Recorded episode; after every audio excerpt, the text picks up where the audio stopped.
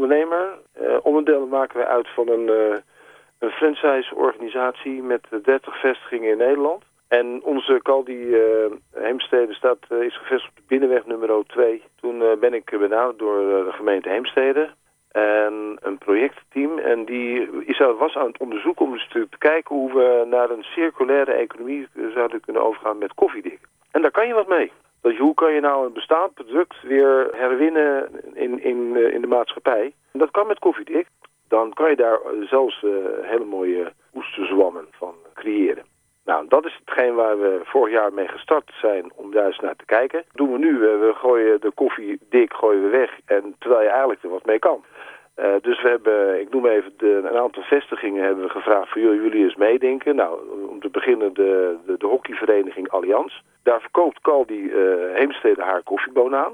Vervolgens haalt Caldi Heemstede de koffiebonen, in dit geval de dik, weer terug. Die beleveren we aan aan uh, de containing mushrooms in Hoofddorp. En in een proces van zes weken ontstaat daar zogezegd de oesterzwam. En diezelfde oesterzwam die wordt dan weer vervolgens naar de, in dit geval naar de Allianz in Heemstede weer aangeboden.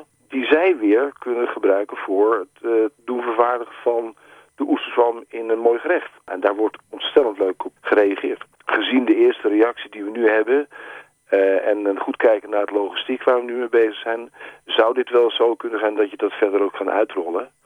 En ik moet ook meteen even erbij zeggen, het is niet zozeer uh, nieuw, want het gebeurt al elders in Nederland. Wat de reactie is van kweken van oesterzwam is dat de bacteriën die zich gaan ontwikkelen, die, eh, die nemen toe.